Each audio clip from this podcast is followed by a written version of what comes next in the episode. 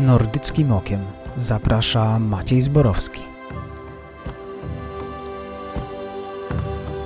Szwecja w czasach koronawirusa. Piekło na ziemi, czy też raj do bezwzględnego naśladowania.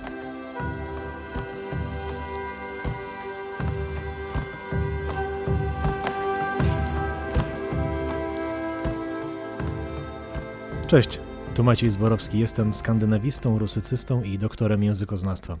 W niniejszym cyklu, goszczącym na łamach podróży bez paszportu, zamierzam opowiedzieć o rozmaitych zagadnieniach ogólnoskandynawskich. I dziś Pierwszy z skandynawskich tematów, czyli szwedzkie podejście do koronawirusa w czasach pandemii. Czemu na początku pandemii nasi zamorscy sąsiedzi poszli inną drogą niż ta dominująca w Europie, a i pod jej koniec są nieporównywalnie bardziej liberalni niż średnia europejska? Niniejszy podcast nagrywam w październiku 2023 roku i od początku pandemii, czyli od pierwszego lockdownu w marcu 2020 roku, minęły już 3 lata i 7 miesięcy. Pamiętamy doskonale z tamtych czasów, że ze swoim autorskim podejściem w czasie pandemii koronawirusa, jakże odmiennym od dominującego na świecie, Szwecja po raz kolejny zresztą stała się, sta, znalazła się na ustach wielu osób na, na świecie.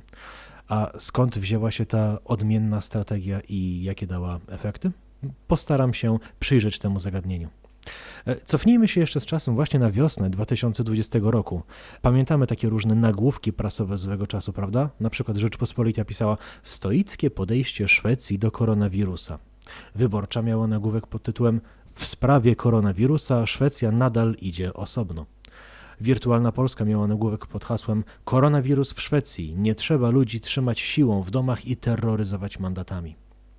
To były nagłówki z grupy takiej bardziej obserwującej, ale były też nagłówki, które mm, były dość krytyczne wobec Szwecji. Przykładowo e, dziwili się ludzie, czemu ta Szwecja idzie tą własną drogą, która tak przeczy temu zdrowemu rozsądkowi, żeby nie powiedzieć chłopskiemu rozumowi. Skoro cały świat się zamyka, to czemu w Szwecji postępuje się inaczej?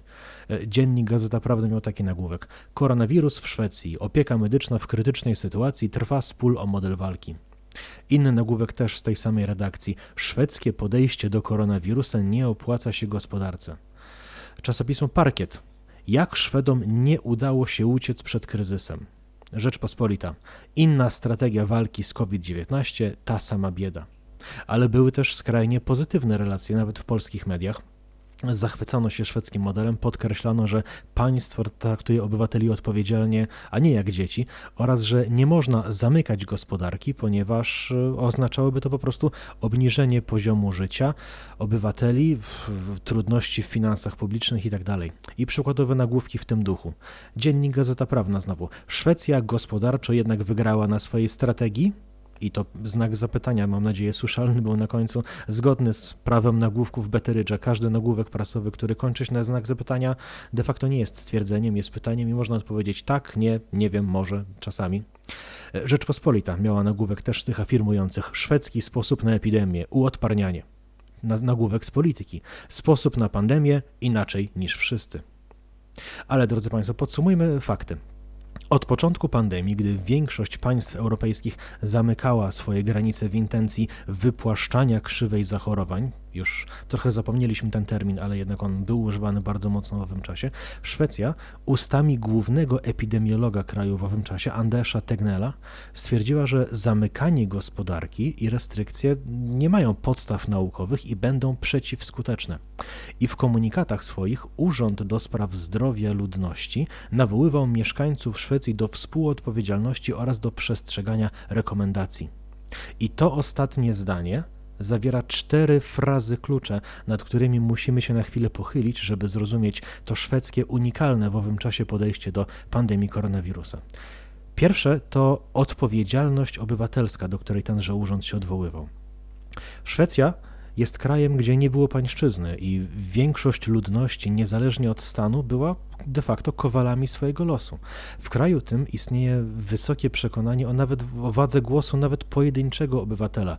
Ja głosuję, ponieważ mam wpływ, angażuję się w działalność społeczną lub polityczną, ponieważ wiem, że moje działania mają sens, polepszają życie wspólnocie. I wreszcie zachowuję się odpowiedzialnie, ponieważ wchodzę w skład społeczeństwa i jako jego część jestem współodpowiedzialny za rzeczywistość mnie otaczającą. Tak samo jak nie zanieczyszczam środowiska śmieciami, jak sprzątam kupy po swoim się, jak płacę podatki, tak i dbam o nierozprzestrzenianie się epidemii.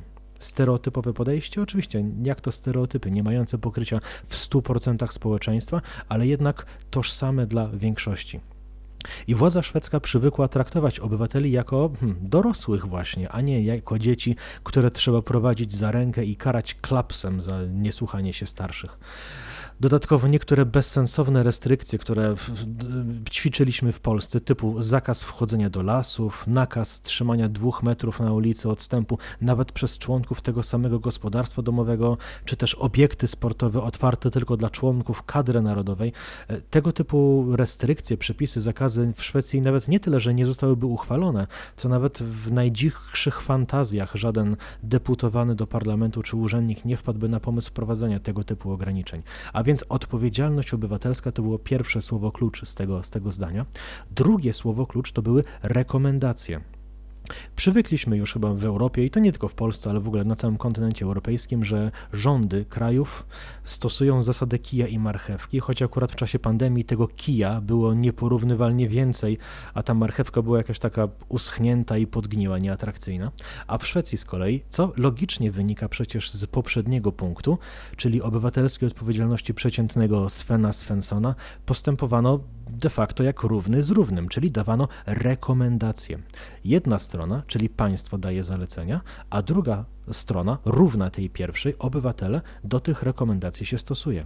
A stosuje się Owszem, dlatego, że ma wysokie poczucie obywatelskiej odpowiedzialności, tak, ale również dlatego, że, i tu dochodzimy do trzeciego słowa klucza, po e, odpowiedzialności obywatelskiej oraz rekomendacji, Urząd do Spraw Zdrowia Ludności, fraza klucz, czyli w oryginale po szwedzku Folkhälsomyndigheten. Często wydaje nam się w obiegowej opinii, że szwedzka biurokracja jest niesamowicie rozbudowana i nieefektywna. I oczywiście czasami procedury biurokratyczne są długotrwałe i nużące, lecz biurokracja ta jest hmm, inna od tej, którą znamy z Polski. Główne założenie, które przyświeca szwedzkiemu państwu jeszcze od czasów kanclerza Axla Oxenhoerne, czyli od pierwszej połowy XVII wieku, to jakże deficytowa w Polsce merytokracja urzędnicza. Tenże Axel Oxenhoerna, hrabia i reformator państwa, stworzył sprawnie działający aparat urzędniczy, który miał za zadanie efektywnie wcielać w życie rozkazy króla i jego doradców. Y, gdy w pewnym momencie na marginesie Axel Oxenhoerna zauważył, że jest zbyt mało męskich potomków rodów szlacheckich, by objąć tworzone urzędy, zdecydował o umożliwieniu edukacji kierunkowej chłopców spoza stanu rycerskiego, by po prostu było komu piastować te niezbędne urzędy. E, kompetencje ponad pochodzenie. Jakże nam brakuje tegoż tegoż podejścia dzisiaj w Europie. Ba, w Szwecji na przykład, już tak pociągniemy ten wniosek dalej, w Szwecji e, dzielenie się posadami w spółkach Skarbu Państwa z nadania politycznego byłoby nie do pomyślenia, a u nas w Polsce to jest przecież normalny element negocjacji koalicyjnych, prawda?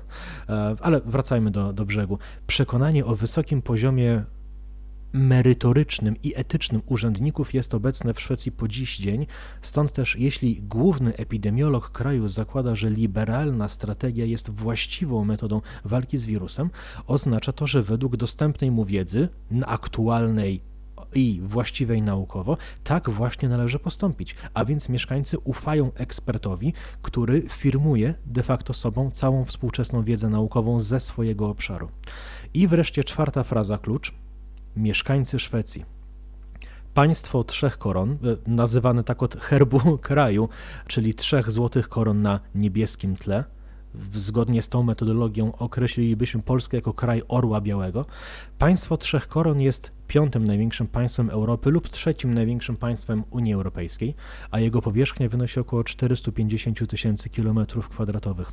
By uzmysłowić sobie rozległość Szwecji, wystarczy spojrzeć na mapę. Odległość w linii prostej między skrajnymi punktami Szwecji, skrajnym północnym i skrajnym południowym, jest nieomalże identyczna jak między skrajnym południowym punktem Szwecji oraz Rzymem czy Neapolem. To jest mniej więcej taki ogromny powierzchniowo kraj. I na tej naprawdę sporej przestrzeni mieszka około 10,5 miliona mieszkańców, w związku z czym gęstość zaludnienia wynosi ciut ponad 26 osób na kilometr kwadratowy.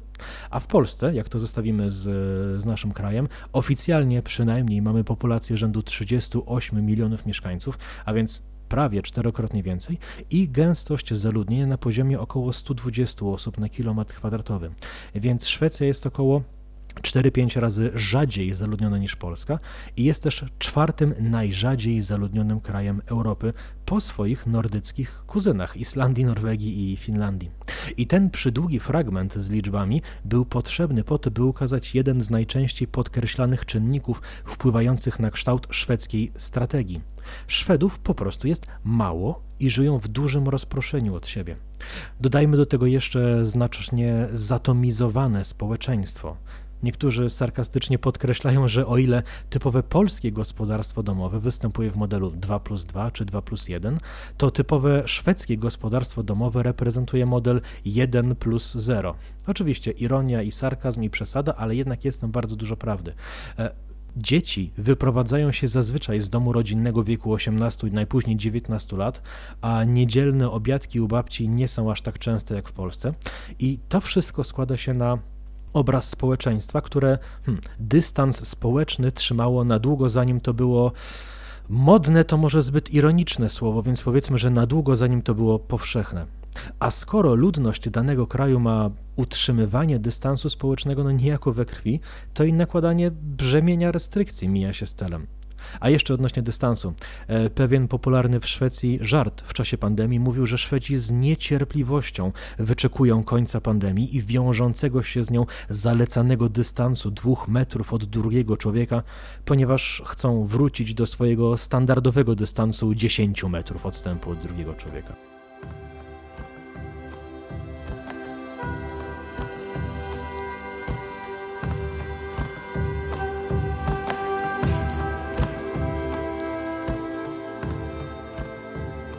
I te cztery czynniki, czyli odpowiedzialność obywatelska, rekomendacje, kompetentne urzędy oraz mieszkańcy rzadko e, zasiedlający swój własny kraj, były najczęściej podkreślane przy próbach wyjaśniania, czasem wyjaśniania, czasem obrony szwedzkiej strategii.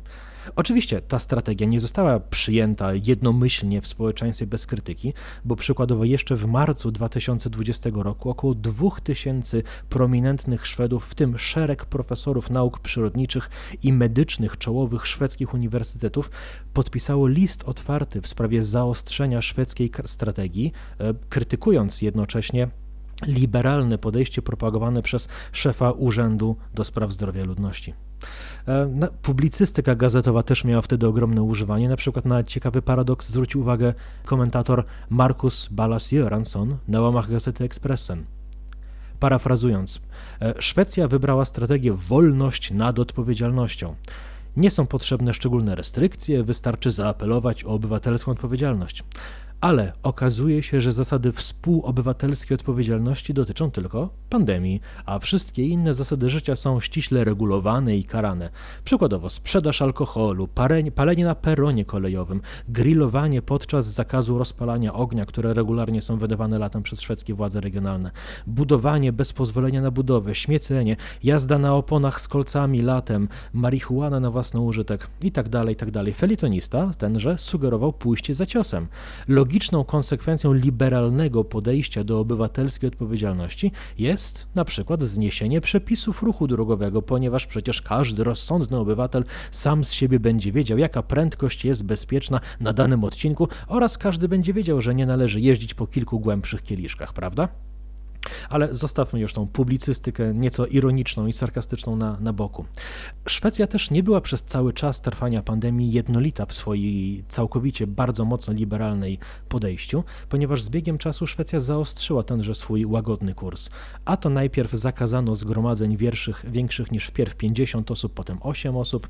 E, wreszcie wprowadzono prawodawstwo przyznające władzy wykonawczej uprawnienia, które na gruncie szwedzkim są dość szerokie, tak, lecz z perspektywy kontynentalnej, a czasami Szwedzi mówią o, wszystkie, o reszcie Europy poza, na południe od Morza Bałtyckiego jako kontynent, e, jako całkiem umiarkowane. I nawet w okresie najostrzejszych szwedzkich restrykcji, czyli na wiosnę 2021 roku, sytuacja z, wyglądała następująco. To, co obowiązywało po stronie zakazów, to zgromadzenia powyżej 8 osób, za wyjątkiem pogrzebów, na których obowiązywał limit 20 osób, ograniczenie liczby osób w sklepach w zależności od powierzchni, lecz nie większe niż 500 osób naraz, ograniczenie czasowe serwowania alkoholu w restauracjach do 20, jak również ograniczenie do 4 liczby osób zasiadających przy jednym stoliku, zamykanie restauracji o 20.30 i obowiązek okazania przez obcokrajowców negatywnego wyniku testu na koronawirusa na granicy.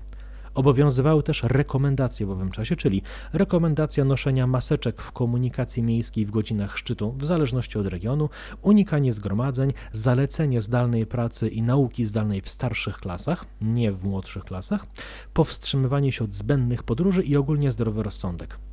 I wraz ze zmniejszającą się liczbą zakażeń poszczególne restrykcje były wpierw łagodzone, a potem w końcu znoszone i ostatnie pandemiczne ograniczenia zostały w Szwecji zniesione 9 lutego 2022 roku. Nie można też wspomnieć o pewnej autorefleksji państwa szwedzkiego. Otóż 30 czerwca 2020 roku, a więc po zakończeniu tej pierwszej zimy, można powiedzieć, z restrykcjami, została utworzona komisja do zbadania działań państwa szwedzkiego w związku z pandemią.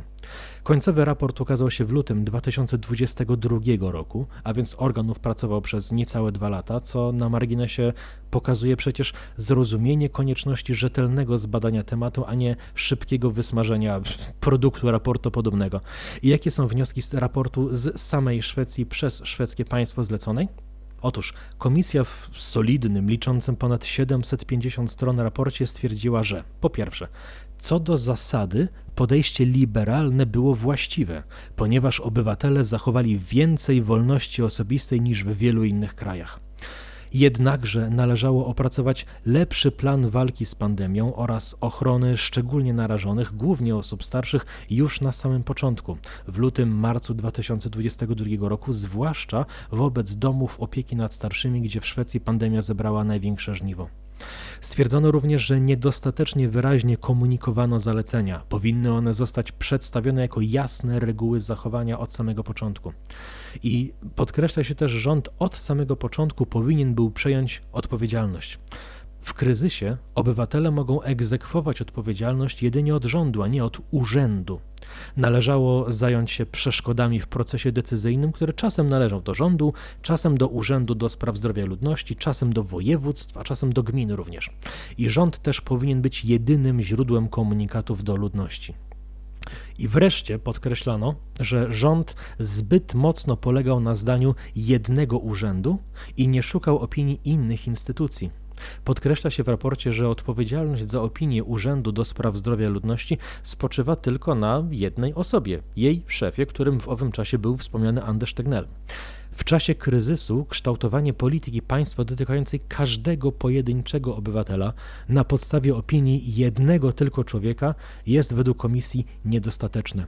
Czy powyższe wnioski oznaczają zatem, jakoby sami Szwedzi przyznali, że ich autorska strategia była w całości nieudana? Bynajmniej. Szwecja, wbrew potocznemu wyobrażeniu, nie jest krajem socjalistycznym, gdzie państwowa biurokracja rządzi wszemi wobec. Jest to zdrowo działająca gospodarka rynkowa z wysokim poziomem pomocy społecznej.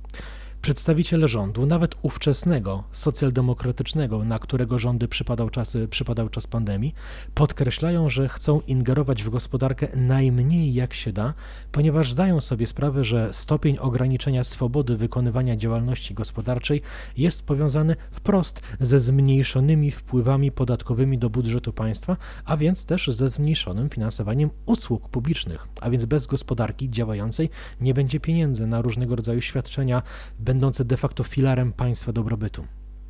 Zresztą, by na własne oczy przekonać się, że Szwecja wcale nie uważała swojej strategii za porażkę, wystarczy porównać obowiązujące przepisy w państwie Trzech Koron oraz w innych krajach Europy i wtedy doskonale widać paradoks. Ta rzekomo socjalistyczna Szwecja, o której można gdzie niegdzie przeczytać na różnego rodzaju podejrzanego autoramentu, blogach, jakby tam panował komunizm i tak dalej, albo że już jej nie ma. I to podejście szwedzkie było dużo bardziej liberalne niż krajów kontynentalnej Europy, w tym Polski również, już nie mówiąc mówiąc o krajach Dalekiego Wschodu. W czasie pandemii wśród krajów o podobnej gęstości zaludnienia i podobnej kulturze, czyli państw nordyckich, Szwecja jednak wyróżniała się negatywnie i miała znacznie wyższą liczbę nadmiarowych zgonów niż Finlandia, Norwegia, Dania czy Islandia. Ale czy można wysnuć wniosek prosty, że wynika to z braku wprowadzenia lockdownu? Nie ma podstaw do stwierdzenia, że gdyby Szwecja wprowadziła lockdown, to tych zgonów byłoby mniej. Jak już mówiliśmy, Szwedzi sami podkreślają, że jednym z głównych czynników, które wpłyną na wysoką szwedzką liczbę ponadwymiarowych zgonów, są domy spokojnej starości, gdzie wirus rozprzestrzeniał się w sposób dużo większy niż w reszcie społeczeństwa. Dość późno ograniczono wizyty osób spoza poza rodziny do tegoż, do domów spokojnej starości i tak samo również cały czas między domami spokojnej starości, między domami opieki rotował personel, a wiadomo, że jak personel rotuje, to i również siłą rzeczy przynosi różnego rodzaju zarazki. Nie zawsze przecież korelacja oznacza przyczynowość, więc nie można wysnuć jednoznacznego wniosku. I do tego jeszcze spójrzmy na kolejne fakty, które troszkę różnią Szwecję od reszty regionu nordyckiego. Ze wszystkich krajów nordyckich Szwecja ma najwyższą gęstość zaludnienia, poza Danią oczywiście, ale o Danii tutaj nie mówimy, bo jest jakby nie jest bezpośrednio e, granicząca powiedzmy ze Szwecją i najwyższy stopień zagęszczenia mieszkaniowego w porównaniu z Norwegią, Finlandią czy Islandią. E, oczywiście mówię o najwyższym stopniu zagęszczenia i kontrastuję to od, z tym, o czym mówiłem na początku, że typowe gospodarstwo domowe to model 1 plus 0, ale na tle nordyckich sąsiadów, czy też północno-nordyckich, Finlandii, Norwegii, Islandii, Szwecja jest względnie gęsta. I dodatkowo najwięcej zgonów spowodowanych z koronawirusem w Szwecji na 100 tysięcy mieszkańców miało miejsce w wielkich miastach Sztokholmie i Göteborgu, które są siłą rzeczy mocno gęsto zaludnione. A gdyby wprowadzić lockdowny, gospodarka by siadła. Nie wprowadzono lockdownów. Czy udało się uratować gospodarkę?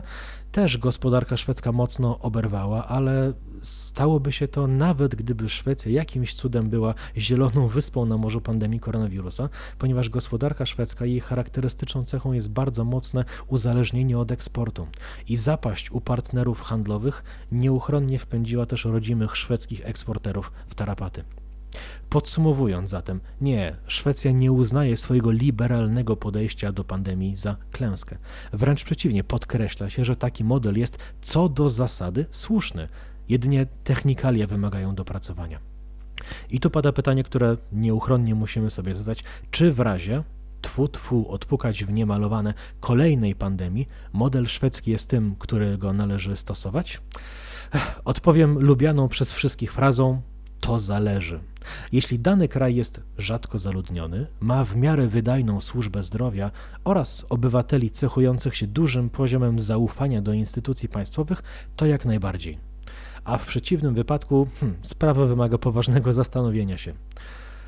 Obyśmy nigdy nie musieli już tego testować. I jeszcze w kategorii bonusu, małe takie badanie, czy w Szwecji istniał ruch antyszczepionkowy? Odpowiedź brzmi tak, lecz był on względnie nieliczny. W największej demonstracji przeciwników szczepionek i lockdownów, paszportów szczepionkowych itd., tak która odbyła się w Sztokholmie w styczniu 2021 roku przeciw wprowadzeniu paszportu covidowego, zgromadziło się między 8 a 9 tysięcy osób. Z kolei dwa miesiące później odbył się tzw. Tak Marsz Tysiąca Ludzi, na który jednak przyszło około 600 osób. I profil ludzi był bardzo podobny. To byli po części ludzie z transparentami mówiącymi o moje ciało, mój wybór dotyczy również szczepionek, e, COVID 1984, czyli różnego rodzaju konsumenci internetowych blogów, filmów z żółtymi napisami, kilka osób z pozaparlamentarnych partii prawicowych, jak na przykład skrajnie prawicowa partia Alternatywa dla Szwecji, oraz osoby krytycznie podchodzące do ograniczania nawet tak nieznacznego jak w Szwecji praw obywatelskich. Jednym z liderów ruchu antyszczepionkowego jest wciąż na marginesie umieszczający na swoim profilu filmiki antyszczepionkowe oraz filmiki z teoriami spiskowymi Andreas Seedquist, założyciel Partii Praw Człowieka i, Demonstracji, i Demokracji, w skrócie MOD. Partia ta wzięła udział w zeszłorocznych wyborach parlamentarnych i uzyskała 9 promili głosów, choć, czyli 0,9%, choć w przedwyborczych wypowiedziach deklarował, że liczy na głosy nawet miliona 300 tysięcy obywateli Szwecji, bo tyle osób nie przyjęło szczepionki. Natomiast z kolei wśród partii parlamentarnych nie udało mi się znaleźć żadnej wypowiedzi deputowanego do szwedzkiego parlamentu, który by przyznawał się otwarcie do poglądów antyszczepionkowych. Podsumowując, Szwedzi nie wstydzą się swojej strategii, uważają, że popełnili kilka błędów i nie ukrywają jej, ale co do zasady podkreślają, że ich podejście liberalne było w przypadku Szwecji słuszne. Do usłyszenia w kolejnym odcinku.